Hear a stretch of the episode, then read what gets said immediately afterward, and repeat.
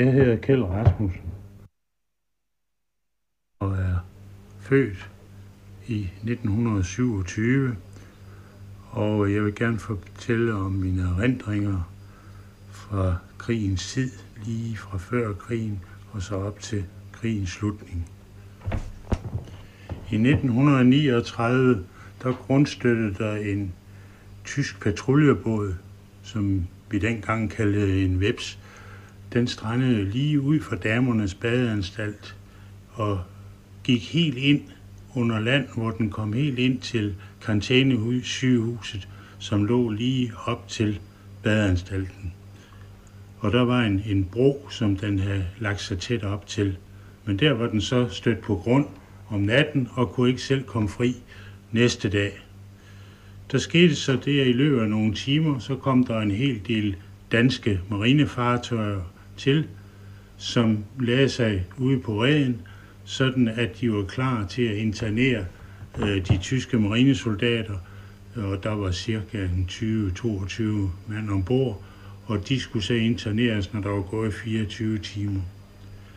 Men så skete der imidlertid det, at øh, ude i Vesthavnen, der lå der en tysk kulbåd, eller kuldamper, og øh, den sejlede så om til det her tyske marinefartøj, og der blev kastet en trosse ombord, og samtlige soldater blev stillet op på, på dækket og skulle så vinke farvel til danskerne, når de sejlede ud.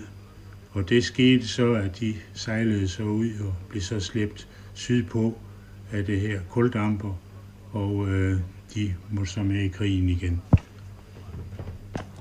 Den 9. april om morgenen, Øh, da jeg stod op og skulle til i skole, kunne jeg høre, at der var en bunkeflyver. Der var et flyveri, som jeg ikke havde hørt før. Og øh, jeg spurgte så min far om, hvad det der kunne være, hvorfor de sådan fløj. Og så sagde han, ja, men de holder nok øvelse ude på vestkysten. Men øh, det var jo ikke nogen helt almindelig øvelse ude på vestkysten, for det blev jo ved med de her maskiner, også da vi gik i skole, og det fløj jo hele dagen igennem, og det fortsatte de næste dage efter besættelsen, øh, da transportmaskinerne jo gik over Fredericia, som skulle videre til Norge med øh, soldater til besættelse af Norge. De gjorde jo noget mere modstand, end vi gjorde, og derfor skulle de jo have mange soldater derop. Og det foregik med store transportmaskiner, som efter sig slæbte et par øh, planer, altså nogle svæveflyvere, som var spændt efter transportmaskinerne. Når man så kom til Norge, så udløste man svæveplanerne, så landede de, og soldaterne myldrede ud. Og øh, når de så havde læsset deres last af deroppe i Norge, ja, så fløj de jo tilbage igen. Øh, så det virkede jo dobbelt her i Danmark. Vi havde den både for udadgående og for hjemadgående. I den første tid mærkede vi jo ikke så meget til krigen. Men en dag, da jeg var i skole, øh, skete der det, at pludselig mærkedes det ligesom hele jorden, den rystede. Og øh, der gik et stykke tid, og øh, så rystede det igen. Og jeg kunne tænke mig, at det ville virke noget ligesom et jordskælv. Det viste sig imidlertid, men øh, det vidste lærerne på skolen ikke, at øh, det var en øh, engelsk ubåd, som der gik igennem øh, bæltet herude, og øh, den forsøgte tyskerne med dybvandsbomber at få op til overfladen. Men det lykkedes altså ikke. Og lærerne de skyndte at sende os hjem fra skole, fordi de jo ikke klar over, hvad det var. Og der findes endnu nogle huse i, i byens øh, kvarterer, lige uden for voldene, som endnu har nogle, nogle minder fra den tid med nogle revner i kælderne, øh, som der blev forårsaget af den øh, rystelse, som der opstår, når de smider sådan nogle dybvandsbomber ned i vandet. Om aftenen, da jeg kom i seng, øh, kan jeg huske, at, at min far han kom ind og fortalte mig, at de har lige hørt over den engelske presse, at øh, den her ubåd, den har, har gemt sig, den har gemt sig nede i, på, på havet, altså nede på, i havnen. Og øh, der havde den så ligget inde hele dagen, og så først om aftenen, øh, ved tidtiden, der kom de sidste, de sidste bomber, og øh, der, havde den jo for, der havde den jo gået ud, og den kom altså ud og kom væk. De første par år var det forholdsvis roligt herhjemme. Jeg var kommet til at arbejde ved en cykelhandler, og øh, jeg husker tydeligt den 29. august, øh, hvor der skete det, at jeg kom og skulle på arbejde nede for enden af Goddersgade, hvor der var en cykelforretning. Og øh, da vi skulle ned i kælderen i cykelforretningen, der lå der en maskingeværrede, som havde hele oversigten over Goddersgade, sådan at de kunne beskyde hele Goddersgade, øh, hvis det skulle være nødvendigt for dem. Vi var spændt på, om vi kunne få lov til at komme igennem og komme ned øh, i forretningen og passe vores arbejde.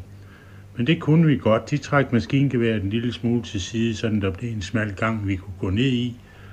Og øh, vi kom også ned og, og passede vores arbejde. Men kunder, dem kom der jo ikke mange af. For hvem brød sig om at skulle næsten stå ovenpå et maskingevær for at komme ned i cykelforretningen? Men øh, vi havde de samme soldater til at gå vagter. Der var et par hold, der kørte i 24 timer, og der blev skiftet ud hver anden time. Og øh, det var de samme soldater, der kom og gik hele tiden. Det var Tordenskjold soldater om igen.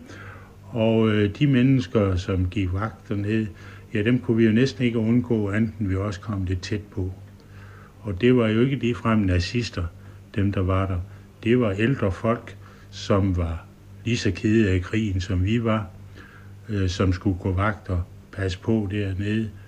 Og da der så var gået i, et par dage, øh, så blev det hele trukket tilbage, og øh, forretningen den kunne køre normalt igen. Jeg kom nu ud til Esra Pedersen, hvor jeg senere fik en læreplads, og øh, det var jo ret besværligt at få lærepladser på den tid der var jo også, hvis ikke man lige ville arbejde for tyskerne, så var det jo altså meget svært. Så var der ikke ret mange lærepladser at få. Men jeg var da heldig at få en læreplads ude af Esra Petersen. Og der skete jo så det, at jeg som lærerdreng kom til at skulle passe ladestationen. Og ladestationen, det var jo ikke som i dag, hvor man kan lynlade batterier og så videre. Men havde jo nogle automobilbatterier, der i hvert fald var dobbelt så tunge som dem, vi har i dag. Og øh, disse batterier, øh, de skulle lades op, og de skulle stå til opladning i en tre dage, før de var opladet. Så det var ikke det bare pjat, hvis det var, at man gik hen og ens bil den blev tom for strøm og blev flad, så skulle den i hvert fald stå tre døgn til opladningen. Og vi havde en ladestation, der kunne tage 10 batterier.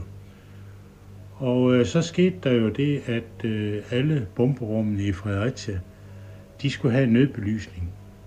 Og den nødbelysning, den bestod i, øh, i øh, batterier fra automobiler, 6 volts batterier, som øh, der hele tiden skulle oplades og holdes top opladet. Og der var 75 bomberum omkring i Fredericia, og øh, dem havde jeg så det værv, at jeg skulle ud og skifte batterier på.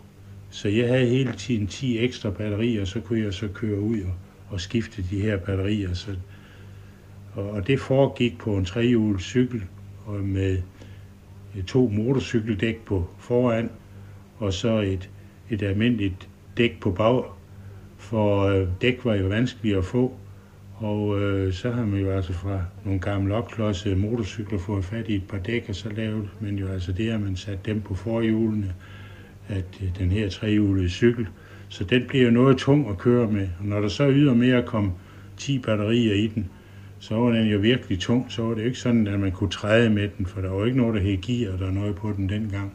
Så man måtte jo bruge benene enten ved at gå og skubbe den, eller også så hvis det gik lige ud, ja, så kunne man jo træde den. Men øh, det slog jo, da vi nåede hen sidst på krigen, så slog det, slog det jo ikke rigtigt til med disse øh, opladning, vi kunne foretage selv. For nu var det jo ved at være op over. Vi kunne jo forstå, at englænderne, de var jo på vej, og der gik jo rygter om, at nu er de nået Hamburg, og nu er de nået der, og nu er de nået der. Så så skulle der jo altså til at ske noget med det her oplæring, for det skulle jo være klar, øh, sådan at alle var top opladet, hvis det var, at vi skulle til i kælderne, og englænderne de nu skulle til at kæmpe sig igennem Danmark. Det gik jo heldigvis ikke sådan. Men øh, det vidste vi jo ikke på daværende tidspunkt, og øh, derfor så havde jeg fået ladestationen, som man havde ved brandvæsenet, og det var oppe i Købmagergade, der hvor politistationen ligger nu. Der havde man øh, brandvæsen og kommunekontor deroppe, og øh, der var, havde man en ladestation, som jeg så fik lov at bruge og lade op på. Og øh, så lagde vi op der, og vi lagde op hjemme, og så lå vi ellers og kørte rundt for at få de her batterier skiftet ud og gået ledningerne efter der, hvor der var ledning også. Der var jo nogle enkelte steder, hvor der ikke var enten nødbelysning på, hvor der ingen elektrisk lys var i. Der var for eksempel op på den gamle sportsplads øh, over for, hvad det hedder deroppe, kommandogården. Øh, der havde man ikke anden belysning, men havde ingen elektrisk deri. I de jordhuler, der var nede under jorden der, der havde man altså kun den nødbelysning, som der var fra batterier. I krigens sidste år blev vi tvunget til at tage arbejde for tyskerne. Det vil sige for Røde Kors og for jernbanen. Der var jo 70 jernbanefolk, som skulle overtage øh, det hele nede på Fredericia Banegård, så frem at danskerne skulle stikke af fra det hele til sidst, øh, så ville tyskerne gerne have, sådan at de kunne overtage det og køre det alligevel, fordi de var meget afhængige af de transporter, de skulle have med, med de danske baner. Men det var ikke så lige til at køre det, da Fredericia jo var en meget, meget ny banegård med en masse elektriske sporskifter og sager, som tyskerne slet ikke kendte noget til. Og derfor havde de installeret 70 jernbanefolk, som så skulle kunne klare det, hvis danskerne ikke makkede ret, som de gerne ville have. Og disse øh, jernbanefolk, dem fik vi, blev vi så tvunget til at tage arbejde for. Men der gik jo ikke ret lang tid før, så begyndte det jo med sabotage på de biler, der blev sat ind. Ikke på Røde Korsbilerne, men på andre biler. Og øh, et af sabotagehandlingerne, det gik ud på en bus, der kom ind, og øh, den her fået blevet hovedopereret, og så videre. Da den så skulle køre videre, øh, så var der en af, af de yngste svende, som havde kommet øh, tændrørssand ned i motoren, og det resulterede jo også i, at øh, da, nå, da bussen nåede Lillebæltsbroen, så brændte hele motoren sammen. Og øh, der blev jo foretaget en helt del forhør, men øh, der var jo ingen, der kendte til noget om nogen, eller hvad, hvad det kunne være, eller hvem det kunne være, eller noget.